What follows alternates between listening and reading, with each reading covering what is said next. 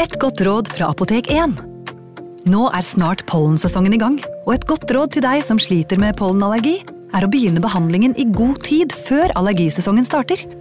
Da får du nemlig enda bedre effekt av legemidlene, og så blir ikke våren din helt ødelagt. Kom innom og få råd på ditt nærmeste Apotek 1, eller chat med oss på apotek1.no.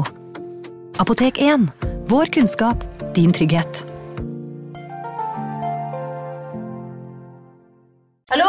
Jeg kommer fra Oslo politikammer.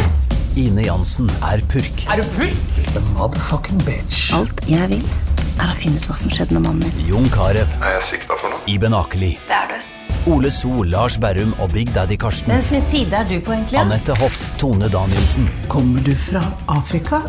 Jørnis Josef, Nesten kløfta. Trond Espen Seim, Det er synd å si det, men det var feil mann som døde. Purk. Premiere tirsdag på TV2 Play. Hei! Takk for at du lytter til True Crime Podden dokumentar. Skulle du ønske at du kunne høre en ny episode av denne podkasten hver eneste uke? Vel, da er det bare å laste ned podkastappen Untold med en gang. I tillegg til ukentlige episoder av podkaster som Skrekkpodden, Synderne og True Crime Podden, får du masse annet reklamefritt og eksklusivt innhold. Last ned Untold i AppStore eller Google Play, og start din 30 dagers prøveperiode i dag. Inne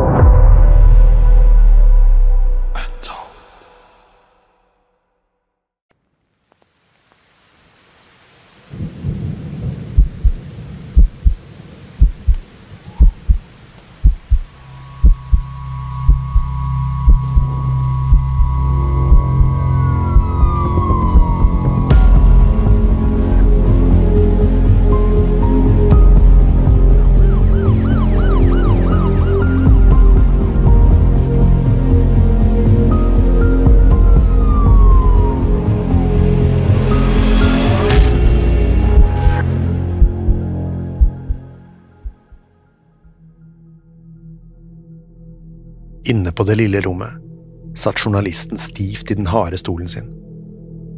Han kikket nervøst rundt seg, men stillheten presset mot trommehinnen hans. Det var som om han hadde sittet der og ventet i flere timer allerede, og han begynte å bli rastløs. Mannen kikket på klokken, og innså mer eller mindre fortvilet at det ikke hadde gått mer enn 30 minutter. Dermed var det ingen grunn til bekymring riktig ennå. Beskjeden om at landets første og farligste seriemorder ønsket seg et intervju, hadde nådd journalisten noen dager tidligere. Ingen hadde sett eller hørt fra Sture Bergwall, eller Thomas Quick som de fleste kalte ham, på flere år. Han hadde vært låst inne på institusjonen sin og nektet å snakke med noen. Nå så han endelig ut til å være tilbake. Det var et pressekupp journalisten ikke kunne avslå. Lesere over hele Sverige ville gå amok for å få med seg intervjuet spesielt fordi Kvikk hadde lovet å komme med nye innrømmelser. Det hadde ikke kommet en ny tilståelse fra Kvikk på nærmere sju år, så dette var store nyheter. De hittil 18 tilståtte drapene så ikke ut til å være nok for Kvikk. Han hadde mer på hjertet. Kanskje et nytt drap, eller en bortføring. Journalisten hadde allerede lest seg opp på alle de uoppklarte sakene i Skandinavia på 70- og 80-tallet som var klar for hva enn som måtte komme, trodde han iallfall. Plutselig gikk døren opp, og den tynnhårede, bebrillede mannen sto foran ham. På bilder syns journalisten at Kvikk alltid hadde hatt noe uforklarlig ekkelt i blikket, men nå var noe annerledes. Han så slett ikke farlig eller gal ut. I stedet virket han nervøs og nærmest bekymret. Journalisten reiste seg og rakte hånden ut til Kvikk. Sveriges mest beryktede seriemorder grep den i et slapt, distrahert tak før han satte seg på den andre siden av bordet for journalisten. Så begynte de å snakke sammen. Det som kom fram under intervjuet, skulle endre hele Thomas Quicks historie. Den siste tilståelsen var nemlig noe ingen kunne ha forutsett.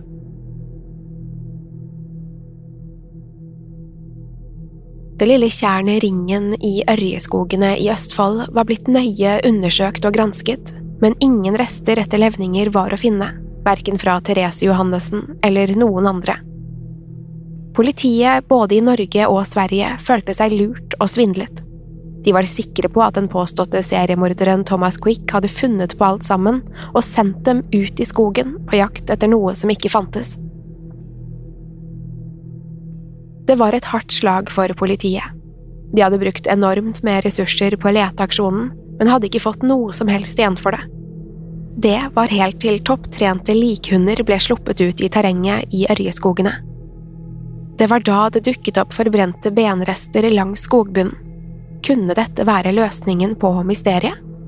Hadde Quick snakket sant om at han hadde tatt livet av Therese Johannessen, men løyet om hva han hadde gjort med liket etterpå? Det var ingenting som ga mening i denne merkelige saken. I det ene øyeblikket virket det som Quick løy om alt sammen, og i det neste var det ingen tvil om at han var skyldig. Det var likevel et spørsmål som plaget etterforskerne mer enn noe annet. Om Quick virkelig var Therese Johannessens drapsmann, hvorfor hadde han da løyet om hva han hadde gjort med levningene hennes? Om han først skulle tilstå, ville det ikke være naturlig å tilstå hele sannheten? Det var i alle fall det som gikk gjennom hodene til de fleste av de norske etterforskerne. De var skeptiske til Quicks tilståelse, og flere mente det ikke fantes noen bevis for at Quick var mannen de lette etter. Han hadde uttalt seg feil på en rekke punkter, og kunne ikke engang vise politiet hvor liket var gjemt bort. Det var rett og slett for mye gjetning og antakelser til at Quick kunne ha noe med Therese-saken å gjøre. På den andre siden av landegrensen var svenske etterforskere likevel overbeviste om at funnet av benrester i Ørjeskogene var bevis nok. For dem var Quick skyldig, og kunne siktes på grunnlag av tilståelsen og funnene. Han ble stilt for retten for bortføringen og drapet på Therese Johannessen, og dømt til videre psykisk helsevern på institusjonen på Sæter. Saken om Therese Johannessens forsvinning var kanskje avsluttet, men saken mot Thomas Quick hadde bare så vidt begynt. Quick, som allerede hadde tilstått en rekke drap, fortsatte bare å innrømme å være involvert i nye saker. Innen 2000 hadde han tilstått hele 18 drap, de fleste av dem på unge gutter og jenter. Tilståelsene kom så hyppig at politiet sjelden rakk å avslutte en etterforskning før Kvikk hadde rukket å innrømme et nytt drap. I alt skulle åtte av drapene bli tatt videre til retten. Det gjaldt sakene om Jenon Levi, Therese Johannessen, Charles Elmanowitz, Johan Asplund, Marinus og Janni Steghøys, samt to andre drap i løpet av 80-tallet på Trine Jensen og Gry Storvik. I de resterende ti sakene fantes det enten ikke nok bevis eller sterke nok indisier for at Kvikk var involvert. I flere av sakene kunne venner og familie av Kvikk fortelle at de hadde vært sammen med ham på drapstidspunktene. I ett av tilfellene hadde Kvikk til og med tilstått drapet på to somaliske gutter som i ettertid viste seg å være i live. Det var blant annet disse sakene som fikk mange til å lure på om Kvikk egentlig var den han sa at han var i det hele tatt. Om han hadde løyet på seg ti drap, hvorfor skulle noen tro at de resterende åtte var sanne? Flere nyhetsmedier og kriminaleksperter begynte å uttale seg om Kvikk, og kalte ham en svindler og en løgner. De snakket åpent om at Kvikk var en gal mann, som bare hadde tatt på seg skylden for drapene, sannsynligvis for egen berømmelse. Da Kvikk fikk høre om disse anklagene, ble han rasende. Han likte dårlig å bli kalt en løgner, og mente fullt og helt at han fortalte sannheten slik som den var. Etter det som føltes som en ydmykelse fra skandinavisk presse, var det som Kvikk lukket seg helt. Han nektet å snakke mer med pressen, og bestemte seg for å slutte å samarbeide med politiet.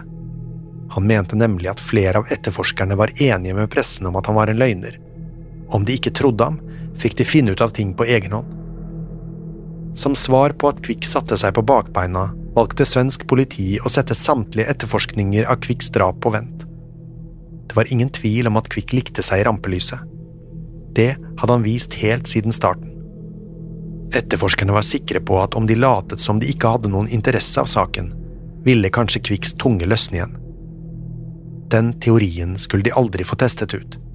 Før den tid skjedde det nemlig en hel rekke ting som ingen hadde forventet. Omtrent samtidig som Quick sluttet å samarbeide med politiet, fikk institusjonen på Sæter en ny overlege. Hun var svært interessert i Quick og hva slags medisiner han var blitt satt på av hennes forgjenger. Da hun fikk se den ekstreme cocktailen av piller Quick hadde stått på i årevis, ble hun nærmest stum. Det var en rekke beroligende midler, i doser som uten tvil måtte ha rotet med Quick sinn. Over en lengre periode reduserte derfor legen Quicks dose litt etter litt, til han til slutt var helt av medisinene. Etter det var det som Quick var en helt ny mann på alle mulige måter. Anfallene hans var nærmest borte, og han snakket til leger og terapeuter på en roligere og mer sammenhengende måte.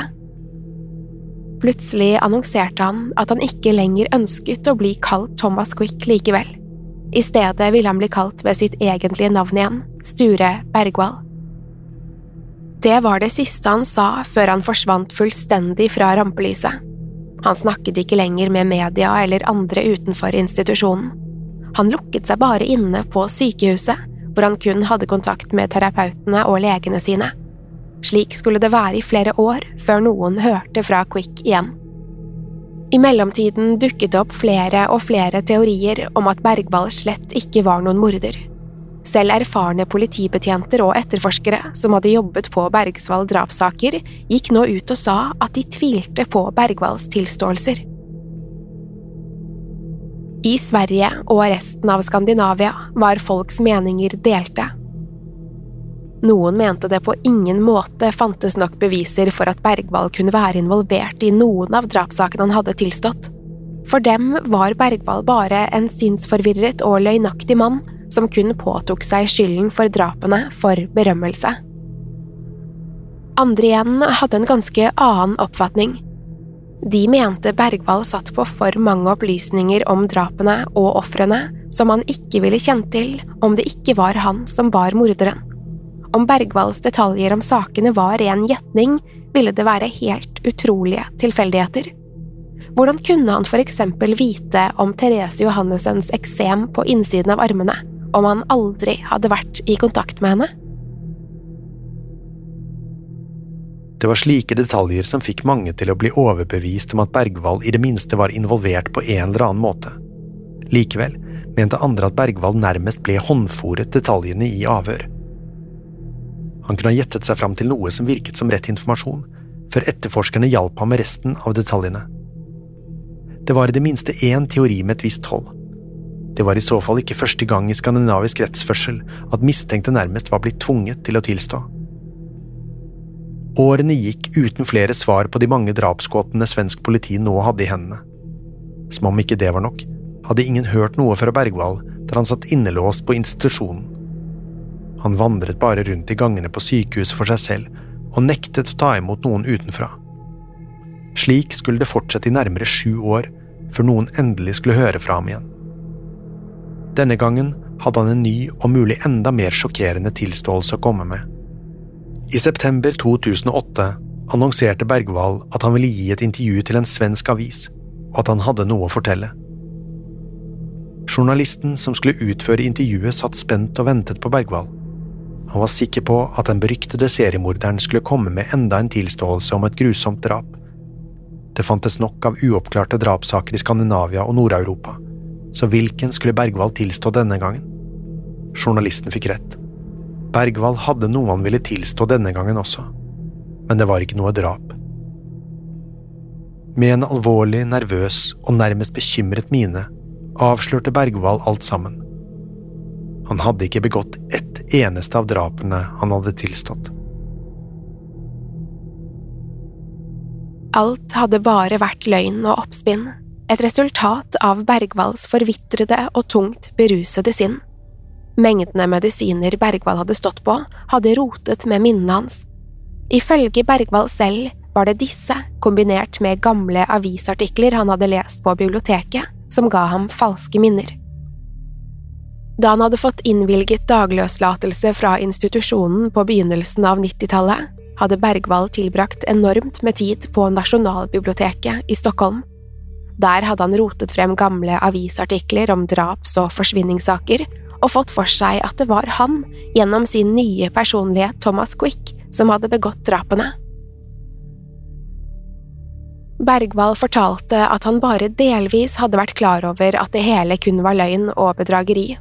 Han hadde ønsket seg berømmelse, eller rettere sagt beryktethet, og drapstilståelsene hadde vært en måte å få det på. Det hele hadde begynt med at Bergwall hadde kjedet seg voldsomt i terapitimene sine. De hadde snakket om de samme temaene dag etter dag, uke etter uke, og Bergwall begynte å bli mektig lei. Derfor var han nødt til å finne på noe for å livne opp samtalene litt. Han visste bare ikke hva. Svaret fant han snart da han fikk se hvordan de andre innsatte på institusjonen ble behandlet. Jo mer alvorlig forbrytelsene deres hadde vært, desto mer oppmerksomhet fikk de. Selv satt han kun inne for overgrep og væpnet ran, men de som virkelig hadde skadet noen, fikk en helt annen behandling. Dermed var det kun ett tema som var storslagent nok for Bergwall. Om han skulle finne på nye forbrytelser, så måtte det være mord. Hele livet hadde Bergwall vært desperat etter oppmerksomhet. Han ville bli sett og lagt merke til, kanskje til og med bli anerkjent for noe. Derfor hadde han tatt den informasjonen han kunne finne om uløste drapsgåter i Skandinavia, og gjort dem til sine egne. Thomas Quick ble Bergvalls egen karakter, som han kunne forme akkurat som han ville. Med ham kunne han finne opp sin egen bakgrunnshistorie, med alle de karaktertrekk som hørte til en fryktet seriemorder. Bergwall hadde lest om den amerikanske seriemorderen Jeffrey Dahmer, samt den oppdiktede karakteren Hannibal Lecter fra Nattsvermeren, og blitt inspirert. Seriemorderkarakterene hadde ofte den samme bakgrunnen. En trøblete eller voldelig oppvekst med ufølsomme foreldre, et tidlig drap som endret figuren for all framtid, samt en preferanse når det kom til utvelgelse av ofre. Alt dette tenkte Bergvall nøye igjennom, før han endelig var klar for å presentere karakteren sin for omverdenen. Det ble starten på seriemorderen Thomas Quick. Bergwall hadde blitt så oppslukt i denne karakteren at han til slutt ikke klarte å skille mellom det som var løgn og det som var sannhet. Han hadde aldri tenkt over hvordan løgnene hans påvirket andre, verken de som jobbet med sakene, eller ofrenes familier. Den oppdagelsen gjorde han ikke før han var blitt avvent de sterke medisinene. Etterforskere, journalister og sivile lyttet til Bergvalls nye tilståelse og kunne ikke tro sine egne ører. Visst var det mange som allerede var overbevist om at Bergvall var en løgner, men ingen hadde forventet at han kom til å innrømme det selv. Om dette stemte, kunne de stå overfor et av de største justismordene i Nordens historie. Bergvall var blitt dømt for hele åtte drap, men nå påsto han at han var uskyldig. Så snart innrømmelsen var kommet for en dag, kastet etterforskerne seg rundt igjen. De var nødt til å finne ut om Bergwald snakket sant denne gangen eller ikke. Om Bergwalds nye tilståelse stemte, ville det bety total og fullkommen ydmykelse for politiet og myndighetene. Etterforskerne gikk straks gjennom alle de tidligere sakene. Sakspapirer, tilståelser og beviser ble gjennomgått på nytt, og det var da de innså det. Det fantes ingenting. Ingen beviser som med sikkerhet kunne knytte Bergwall til et eneste av de tilståtte drapene. Det eneste de hadde, var Bergwalls egne tilståelser og de var blitt brukt til å dømme ham i retten. Dette var en sann katastrofe for myndighetene. De hadde latt seg lure av en gal mann som aldri hadde gjort noe av det han påsto å ha gjort. Det var direkte flaut, og myndighetene skulle ønske den nye tilståelsen aldri hadde kommet. Likevel var nyheten allerede ute, og det var bare én ting igjen å gjøre. Bergmal måtte få sakene sine gjenopptatt, slik at man en gang for alle kunne finne ut av sannheten. Mens etterforskere og påtalemyndigheter gjorde alt de kunne for å finne nye beviser i saken, forberedte Bergvalls forsvar seg på seier. Det skulle snart vise seg at saken mot Bergvall var så syltynn som den kunne bli. Visst var det detaljer i Bergvalls tidligere tilståelser som få andre enn morderen ville kjent til. Likevel var det så mye annet som ikke stemte. Til tross for at over 10 000 vitner var blitt avhørt i sakene mot Bergwall, var det ingen som hadde sett ham på noen av åstedene. Som om ikke det var merkelig nok, var det heller ingen av DNA-bevisene som stemte overens med Bergwalls profil. Det fantes altså ingen ordentlig kobling mellom Bergwall og menneskene han påsto å ha drept. Til slutt hadde ikke retten noe annet valg enn å frikjenne Bergwall for alle anklager. Det fantes rett og slett ikke nok bevis til å dømme ham for noe som helst. De nye rettssakene mot Bergwall skulle avholdes mellom 2011 og 2012 og skulle få enormt med medieoppmerksomhet. Avisene skrev side opp og side ned om rettssakene og om alt som ble sagt og avgjort. Det var tydelig at Norden, og spesielt Sverige, nok en gang hadde fått seriemorderfeber. I retten forklarte Bergwall hvordan det hadde føltes å lure alle til å tro at han var en kaldblodig morder. Han hadde lest avisartiklene om seg selv og frydet seg over kaos han spredte. En periode på 90-tallet snakket omtrent ikke folk om annet enn Thomas Quick, Sveriges første og mest brutale seriemorder. For Bergwall føltes det som folk trengte Quick. De trengte noen å samles mot og være redde for. Dette var slett ikke noen populær uttalelse blant folket. Spesielt ofrenes nærmeste følte seg lurt. De som en gang hadde trodd at Bergwall var morderen, satt nok en gang igjen uten svar på hvem som drepte deres kjære. Likevel var det ikke alle som var overbeviste om at Bergwall snakket sant denne gangen. Nok en gang ble derfor spørsmålet det samme. Hadde Bergwall lurt myndighetene igjen, eller snakket han faktisk sant denne gangen? Hvorvidt Bergwall var uskyldig eller ikke, spilte ingen rolle lenger. Han var frikjent og ble løslatt fra institusjonen på Seter i 2014. Ifølge psykologen hans var han frisk nok til å slippes løs i samfunnet, uten å være en fare for verken seg selv eller andre.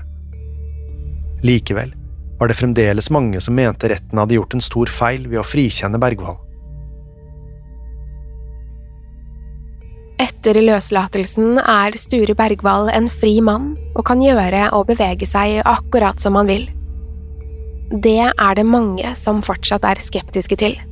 Noen få, både privatpersoner og etterforskere som arbeidet på sakene, er fremdeles overbeviste om at Bergwall er skyldig i drapene han tilsto.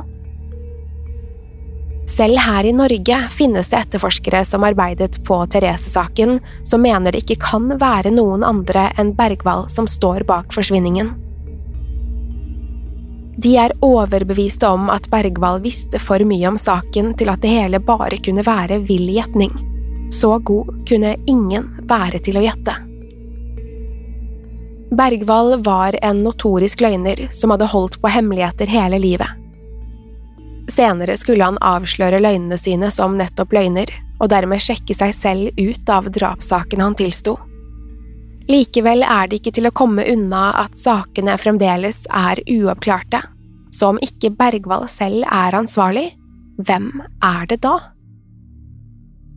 Historien om Sture Bergwall er helt unik. Den vitner om en mann som hele livet ønsket seg å bli sett.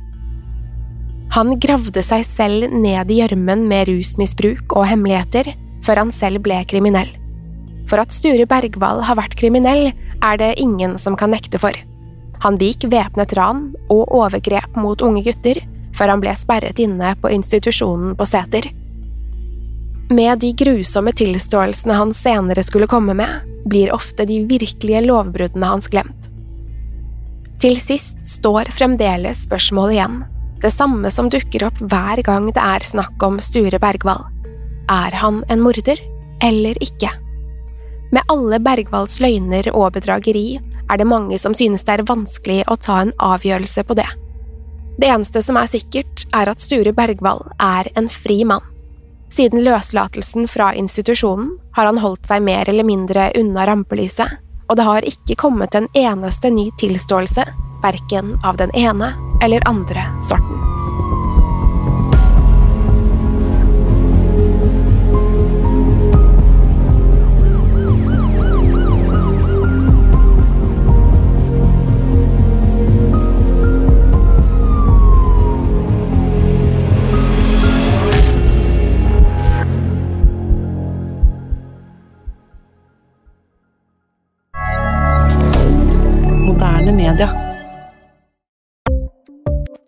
Ukens annonsør er Folio, en smartere banktjeneste for deg som har en egen bedrift eller ønsker å starte for deg selv. Folio er en superenkel nettbank for bedrifter. Som kunde i Folio får du en bedriftskonto med et bedriftskort og app. I denne appen er det smarte løsninger som forenkler regnskapet ditt, uansett om du har en liten bedrift eller et enkeltpersonsforetak. Folio er både intuitivt og brukervennlig, og er laget med et enkelt språk. I tillegg tilbyr de forutsigbare priser og ingen skjulte gebyrer. Skulle du likevel trenge det, så kan du snakke med deres raske og hyggelige kundeservice, og der får du prate med en faktisk person og ikke en chatbot. Folio er med andre ord både enklere og koseligere enn banken.